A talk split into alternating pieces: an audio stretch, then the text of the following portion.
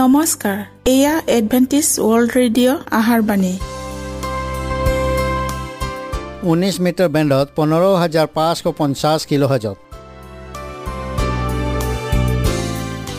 Adventist world radio যোগে অসমীয়া ভাষাত প্ৰচাৰিত আহাৰবাণী প্ৰত্যেক বুধবাৰ আৰু দেওবাৰ সন্ধিয়া সাত বজাত আহাৰবাণী শুনাৰ পিছত আপোনালোকৰ কিবা মন্তব্য আৰু প্ৰশ্ন থাকিলে আমালৈ এই ঠিকনাত লিখক। আমাৰ ঠিকনাটি হৈছে Adventist World Radio' seven day Adventist মণ্ডলী অসম শাখা লতাকাটা বশিষ্ট গুৱাহাটী সাত আঠ এক শূন্য দুই ন।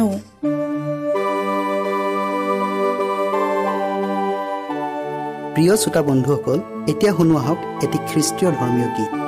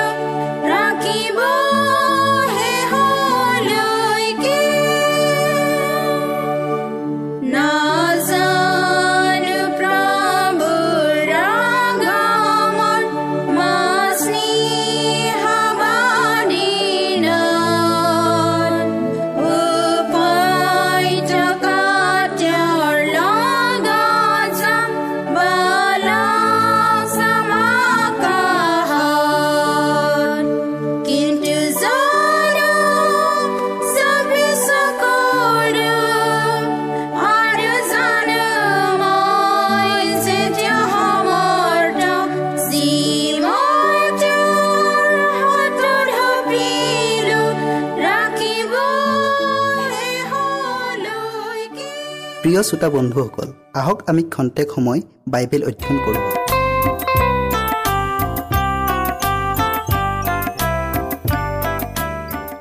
শিষ্যতৰ পৰীক্ষা। এতেকে কোনো যদি খ্ৰীষ্টত আছে তেন্তে তেওঁ নতুন সৃষ্টি হ'ল। পুৰণিবোৰ লুপ্ত হ'ল চোৱা নতুন হ'ল। দ্বিতীয় কৰন্থিয়ান পাঁচ অধ্যায় সোতৰ পদ। কোনো এজন ব্যক্তিয়ে কি পৰিস্থিতিৰ মাজেৰে মন পৰিৱৰ্তন হোৱা প্ৰকৃত সময় বা স্থানৰ স্পষ্ট অভাৱ দিব নোৱাৰিব পাৰে। কিন্তু ইয়াৰ দ্বাৰাই এইটো নুবুজায় যে তেওঁৰ পৰিৱৰ্তন হোৱা নাই। খ্ৰীষ্টই নিকদিমক কৈছিল বায়ুৱে যেই দিশলৈ ইচ্ছা কৰে সেই দিশলৈ বয় আৰু তুমি তাৰ শব্দ শুনিবলৈ পোৱা কিন্তু সি ক'ৰ পৰা আহে ক'লৈ যায় তাক নাজানা। আত্মাৰ পৰা জন্ম প্ৰত্যেক মানুহৰ এনে হয়। জোহন তিনি অধ্যায় আঠ পদ। বতাহ অদৃশ্য। কিন্তু ইয়াৰ প্ৰভাৱ কৰ্মৰ দ্বাৰাই স্পষ্টকৈ দৃশ্যমান হয় আৰু আমি অনুভৱ কৰোঁ সেই একেদৰে পবিত্ৰ আত্মায়ো মানুহৰ হৃদয়ত কাৰ্য কৰে। সঞ্জীৱনী শক্তি কাৰো দৃশ্যমান নহয়। ই আত্মাত নৱজীৱন দান কৰে আৰু ঈশ্বৰৰ প্ৰতিমূৰ্তিত নকৈ প্ৰতিষ্ঠা কৰে। যিহেতু আত্মাৰ কাৰ্য মন আৰু দুৰ্বৈধ্য ইয়াৰ কেৱল ক্ৰিয়াহে প্ৰকাশ পায়। পবিত্ৰ আত্মাৰ দ্বাৰাই নতুনকৈ জন্ম পোৱা জীৱনে এই কাৰ্যৰ সাক্ষ্য প্ৰদান কৰে। মানুহৰ যুক্তি তৰ্ক জ্ঞান বিদ্যাৰে আমি কেতিয়াও আমাৰ হৃদয় পৰিৱৰ্তন কৰিব নোৱাৰোঁ। নাইবা ঈশ্বৰৰ সৈতেও নিজকে মিল কৰাব নোৱাৰোঁ। আমি আমাৰ সৎজ্ঞানেৰে কৰা সৎকৰ্মৰ ওপৰতো ভৰসা কৰিবও নোৱাৰোঁ।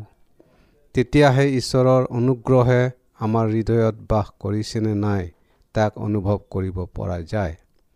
আৰু যথাসময়ত আচাৰ ব্যৱহাৰ স্বভাৱ চৰিত্ৰ আদি পৰিৱৰ্তনৰ দৃষ্টিগোচৰ হ'ব। অতীতত কি আছিল আৰু এতিয়া কি হ'ল এই বিষাদ দৃশ্যতাই দুয়োটাকে স্পষ্টকৈ দেখুৱাই দিব। খ্ৰীষ্টৰ সংশোধনী শক্তিৰ অবিহনেও আমি আমাৰ ব্যক্তিগত জীৱনত আচাৰ ব্যৱহাৰ স্বভাৱ চৰিত্ৰ আদিত বাৰ্ষিক সংশোধন আনিব পাৰোঁ। আনৰ প্ৰতি সদয় হৈ এক সুন্দৰ পৰ হিতকাৰী জীৱন ধাৰণ কৰিব পাৰোঁ। আত্মা সন্মানবোৰ জ্ঞানেৰে দুষ্টতাৰ আটাই উপস্থিতি আঁতৰ কৰিব পাৰোঁ। স্বাৰ্থপৰ অন্তকৰণেৰে আনৰ দৃষ্টিত অনেক মহৎ কাৰ্যও সিদ্ধ কৰিব পাৰোঁ। এনে স্থলত এনেবোৰ সৎকাম কৰি কোন পক্ষত আছোঁ বুলি দৃঢ়ভাৱে ক'ব পাৰোঁ। আমি যদি খ্ৰীষ্টৰ আমাৰ ভাৱ চিন্তাও তেওঁৰ প্ৰতিয়ে হ'ব সম্পৰ্কও মধুৰ হ'ব। আমি তেওঁৰ প্ৰতিচ্ছবি তেওঁৰ শ্বাস প্ৰশ্বাস তেওঁৰ আত্মা তেওঁৰ ইচ্ছাত নিজকে বিলীন কৰি তেওঁৰ দৰে জীৱন অতিবাহিত কৰি আটাই বিষয়ত তেওঁক সন্তোষ দিব পাৰোঁ। খ্ৰীষ্টত নতুনকৈ সৃষ্টি হোৱাবিলাকেই আত্মাৰ ফল প্ৰেম আনন্দ শান্তি চিৰসহিষ্ণুতা মৰম মংগল ভাৱ বিশ্বাস মৃদু ভাৱ ইন্দ্ৰিয় দমন এইবোৰ প্ৰকাশ কৰিব। গালাটীয়া পাঁচ অধ্যায় বাইছ পদ। তেওঁবিলাকে অতীত জীৱনৰ মাংসিক আৰু মানুহৰ চিন্তা ধাৰাৰে সৃষ্টি কৰা নীতি নিয়ম অনুসাৰে আৰু নহয় বৰং ঈশ্বৰৰ পুত্ৰ বিশ্বাস কৰি তেওঁৰ খোজৰ অনুগামী হ'ব আৰু এক সুচী আৰু পবিত্ৰ হৃদয় লৈ তেওঁৰ নিচিনা হৈ তেওঁৰ ঈশ্বৰীয় গুণসমূহ প্ৰতিফলিত কৰিব।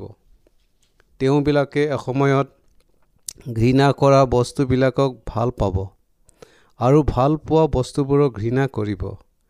অহংকাৰী আৰু আত্ম অভিমানী লোকবিলাক নম্ৰ আৰু শান্ত মনৰ লোক হ'ব। মতলীয়া লোকবিলাক মিতচাৰী আৰু লম্পট আচৰণকাৰীবিলাক স্বভাৱ চৰিত্ৰত নিৰ্মল আৰু সূচী হ'ব। জগতৰ বৃদ্ধা নীতি নিয়ম চলন ফুৰণ ইত্যাদিৰ পৰা আঁতৰি থাকিব। খ্ৰীষ্টৰ প্ৰকৃত অনুগামীসকলে বাৰ্ষিক সৌন্দৰ্য বা আত্মাত বৃদ্ধি নকৰা কোনো বস্তুকেই আৰু নিবিচাৰিব।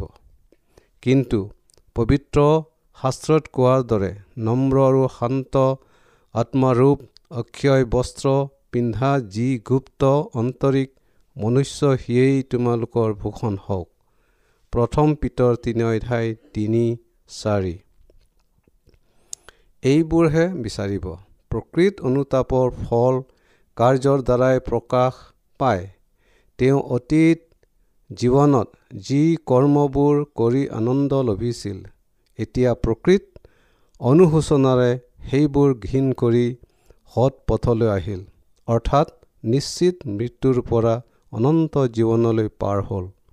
যেতিয়ানো তাপিত পাপীজনে খ্ৰীষ্টৰ মাৰ্জনীয় অনুগ্ৰহৰ অধীন হয় তেতিয়াই তেওঁৰ হৃদয়ত এক অফুৰন্ত আনন্দৰ ঢৌৰ সৃষ্টি হয়। আগেয়ে যি পথ অন্ধকাৰেৰে আৱৰি আছিল ধাৰ্মিকতা ৰূপ সূৰ্যৰ কিৰণে সেই পথ আলোকময় কৰি তুলিলে। খ্ৰীষ্টৰ স্বৰ্গীয় গুণৰ সৌন্দৰ্যতা তেওঁৰ অনুগামীসকলত পৰিলক্ষিত হ'ব। প্ৰেমে স্বৰ্গীয় সৌন্দৰ্যৰে বিভূষিত হৈ তেওঁৰ পৰিত্ৰাণৰ আটাই কাৰ্য সিদ্ধ কৰিলে।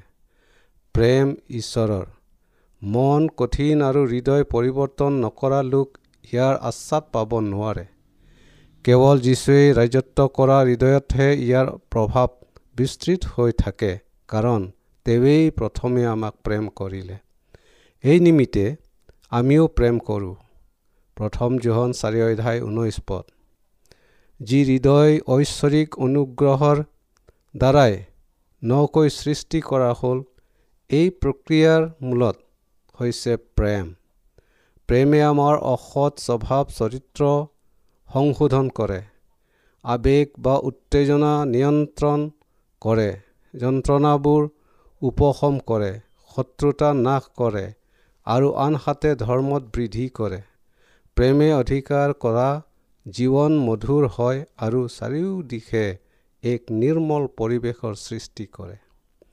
বিশেষকৈ তেওঁ অনুগ্ৰহত নিৰ্ভৰ কৰি চলা লোকবিলাকে অৰ্থাৎ ঈশ্বৰৰ সন্তানবিলাকে দুটা ভুলৰ প্ৰতি সজাগ হৈ থাকিব লাগে। কোনোবাই বিধান পালন কৰি ধাৰ্মিক আৰু পবিত্ৰ হ'বলৈ নিজৰ কৰ্মৰ ওপৰত যদি নিৰ্ভৰ কৰে তেন্তে তেওঁৰ এইটো এটা বৃথা চেষ্টাহে মাথো। কাৰণ ই অসম্ভৱ।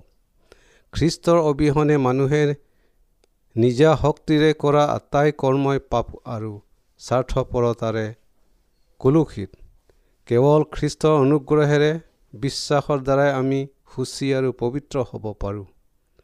দ্বিতীয় অতি মাৰাত্মক ভুলটো হ'ল খ্ৰীষ্টত বিশ্বাস কৰাৰ লগে লগে মানুহ ঈশ্বৰৰ বিধান বা আজ্ঞা পালনৰ পৰা মুক্ত হ'ল। কেৱল বিশ্বাসেৰে খ্ৰীষ্টৰ অনুগ্ৰহ লাভৰ ভাগি হ'ব পাৰি। পৰিত্ৰাণৰ সৈতে ঈশ্বৰৰ বিধান বা আজ্ঞাৰ বাধ্যতা হোৱাৰ কোনো প্ৰয়োজন নাই। কিন্তু প্ৰিয় পাঠক পাঠিকাসকল মন কৰক বাধ্যতা মানে কেৱল বাৰ্ষিক নম্ৰতাক নুবুজায় বৰং প্ৰেমৰ পৰিচৰ্যা আৰু কাৰ্যক বুজায়। ঈশ্বৰৰ নিজ আঙুলিৰে লিখা বিধানখনেই তেওঁৰ স্বৰূপ প্ৰকাশক। এই অপৰিৱৰ্তনীয় বিধানখনতেই তেওঁৰ মহান প্ৰেমৰ মূল নীতিসমূহ নিহিত হৈ আছে। সেয়ে উক্ত বিধানখনেই স্বৰ্গ আৰু পৃথিৱী উভয়ৰে তেওঁৰ শাসন প্ৰণালীৰ ভিত্তিমূল যদি আমাৰ হৃদয় ঈশ্বৰৰ ইচ্ছাৰ দৰে পৰিষ্কৃত হ'ল ঐশ্বৰিক প্ৰেম আমাৰ হৃদয়ত সিঁচা হ'ল তেনেহ'লে ঈশ্বৰৰ পবিত্ৰ বিধানো আমাৰ জীৱনত কাৰ্যত পৰিণত কৰিব লাগিবনে? মানুহৰ হৃদয়ত প্ৰেম মূল ভীতি যেতিয়া স্থাপন কৰা হ'ল তেওঁক সৃষ্টি কৰা সৃষ্টিকৰ্তাজনৰ সাদৃশ্যৰে পৰিষ্কৃত কৰা হ'ল। তেতিয়া নতুন নিয়মত উল্লেখ থকা ঈশ্বৰৰ প্ৰতিজ্ঞাও সিদ্ধ হ'ল। তেওঁবিলাকৰ চিত্তত মোৰ বিধান দিম আৰু তেওঁবিলাকৰ হৃদয়ত তাক লিখিম। ইব্ৰী দহ অধ্যায় ষোল্ল। আৰু যেতিয়াই বিধানখন হৃদয়ত লিখা হ'ল তেতিয়াই ই তাৰ নিজৰ সাঁচেৰে মানুহৰ জীৱনত গঢ় নিদিবনে? বাধ্যতা প্ৰেম আৰু ভক্তিৰে পৰিচৰ্যা কৰা অৰ্থাৎ এয়েই হ'ল শিষ্যতৰ লক্ষণ বা প্ৰতীক শাস্ত্ৰত কৈছে। কিয়নো আমি যেন ঈশ্বৰৰ আজ্ঞাবোৰ পালন কৰোঁ ঈশ্বৰে দিয়া প্ৰেমৰ অভিপ্ৰায় এয়েই। প্ৰথম জোহন পাঁচ অধ্যায় তিনি পদ। মই তেওঁক জানিলোঁ ইয়াকে বুলি যিকোনোৱে তেওঁৰ আজ্ঞাবোৰ পালন নকৰে তেওঁ মিছলীয়া আৰু তেওঁৰ অন্তৰত সত্য নাই। প্ৰথম জোহন দুই অধ্যায় চাৰি পদ।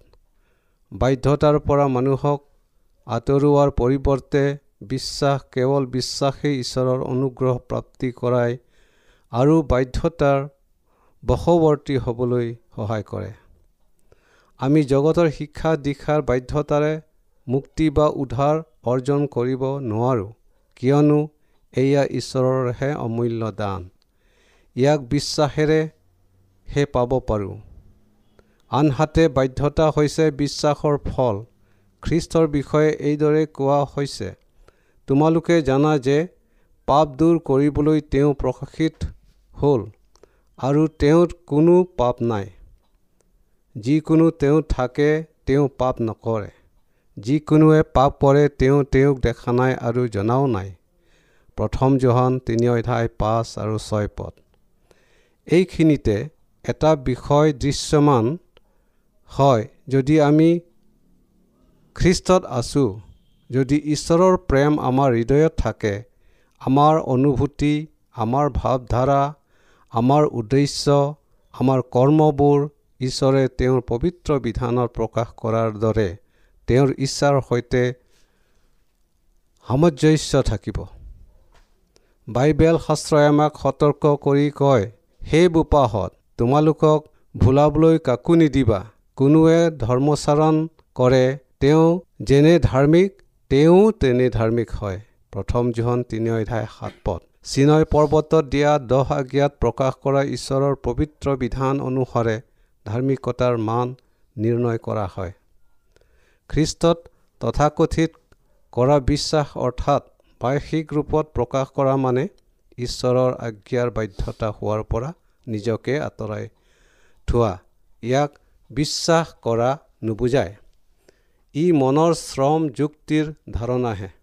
কিয়নো অনুগ্ৰহেৰে বিশ্বাসৰ দ্বাৰাই তোমালোকে পৰিত্ৰাণ পালা। এফিচিয়ান দুই অধ্যায় আঠ পদ।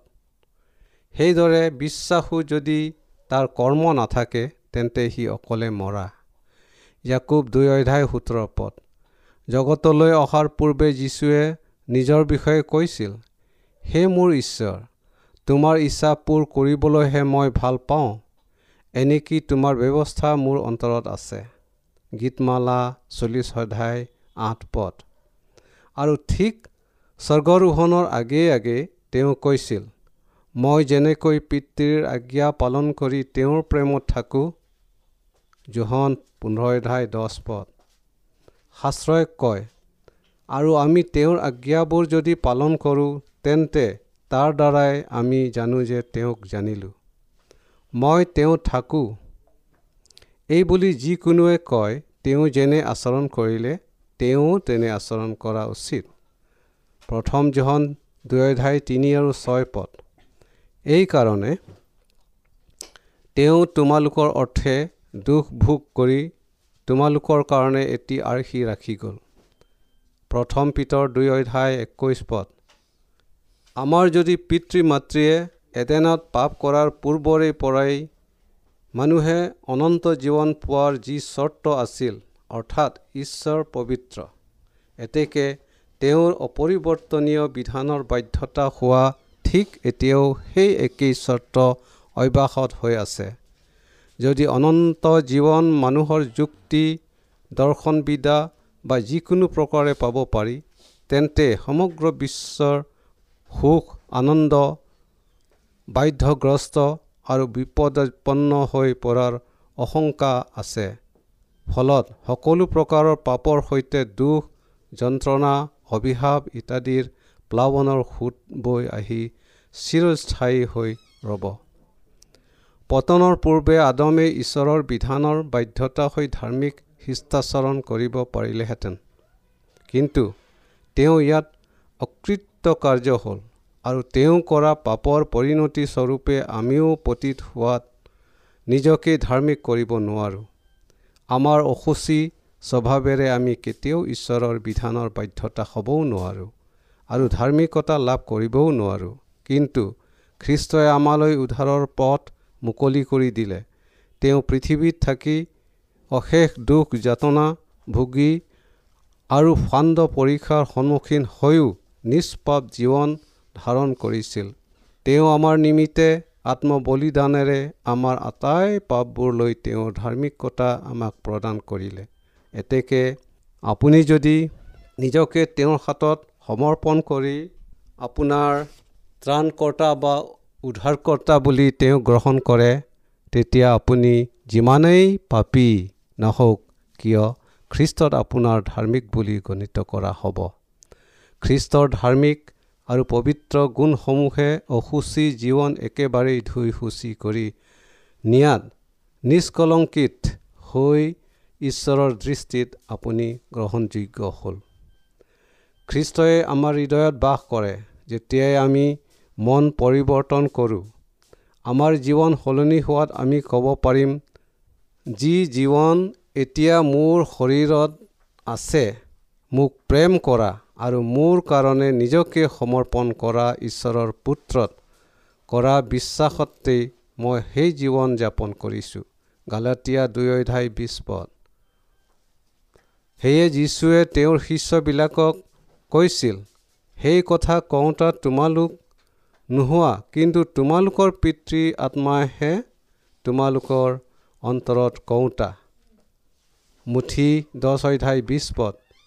এতিয়া দেখা গ'ল যেতিয়াই খ্ৰীষ্টই আমাৰ হৃদয়ত কাৰ্য কৰিব তেতিয়া আমিও সেই একেই কাৰ্যৰে অনুকৰণ কৰি তেওঁৰ সৎকৰ্ম আৰু সৎগুণ অৰ্থাৎ ধাৰ্মিকতাৰ কাৰ্য আৰু বাধ্যতাৰ ফল দেখুৱাব পাৰিম।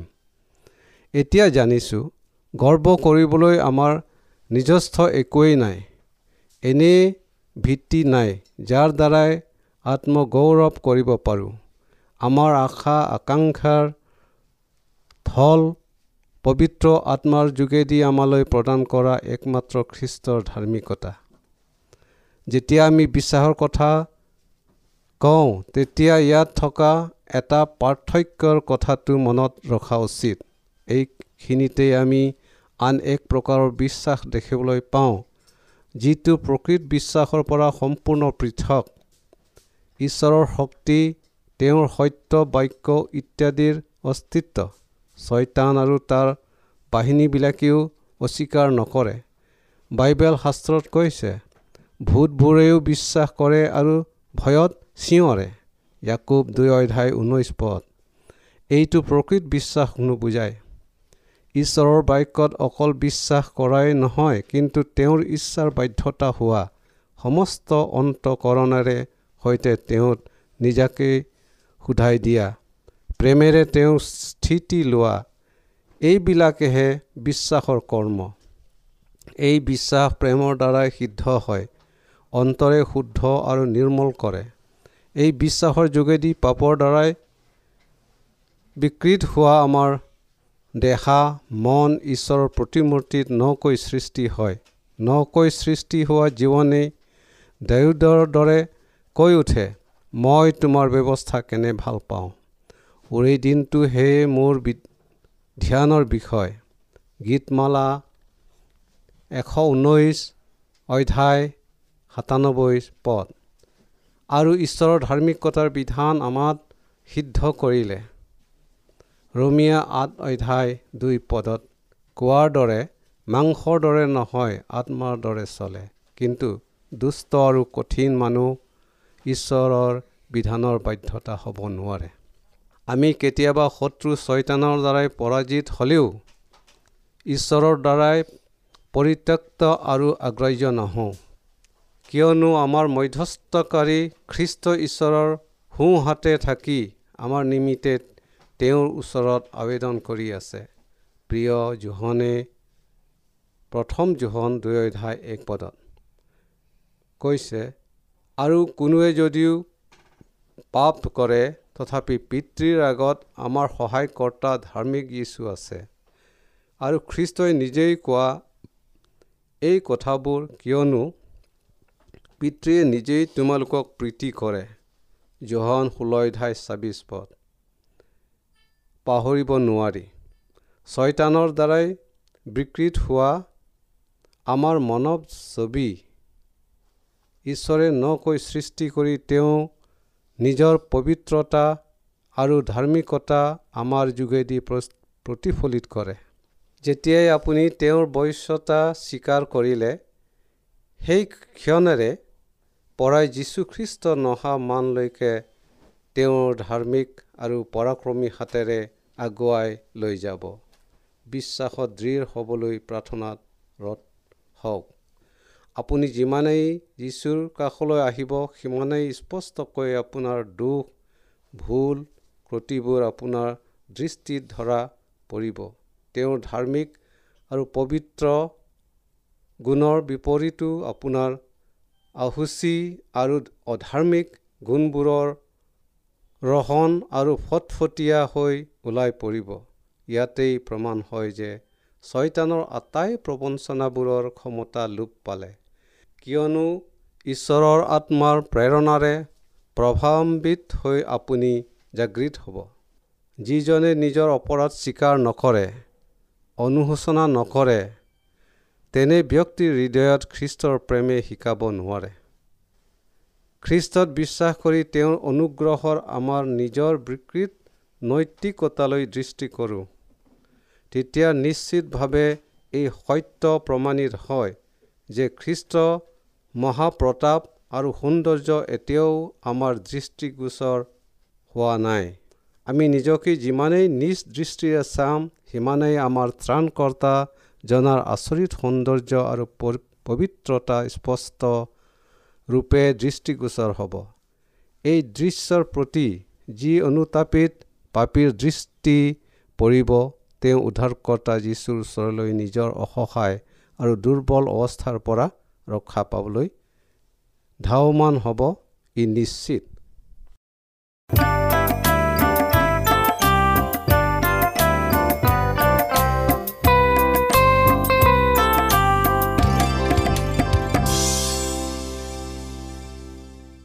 মনত ৰাখিব আমাৰ ঠিকনাটি পুনৰ কৈ দিছোঁ। Adventist World Radio' Assam region of seven day Adventist Voice of Hope Latakata Basistha Guwahati seven eight one zero' two nine প্ৰিয় শ্ৰোতা বন্ধুসকল এডভেণ্টিজ ৱৰ্ল্ড ৰেডিঅ' যোগে আহাৰবাণী প্ৰচাৰত আপোনালোকক পুনৰ লগ পোৱাৰ আহাৰে আজিলৈ সামৰিলোঁ। ধন্যবাদ।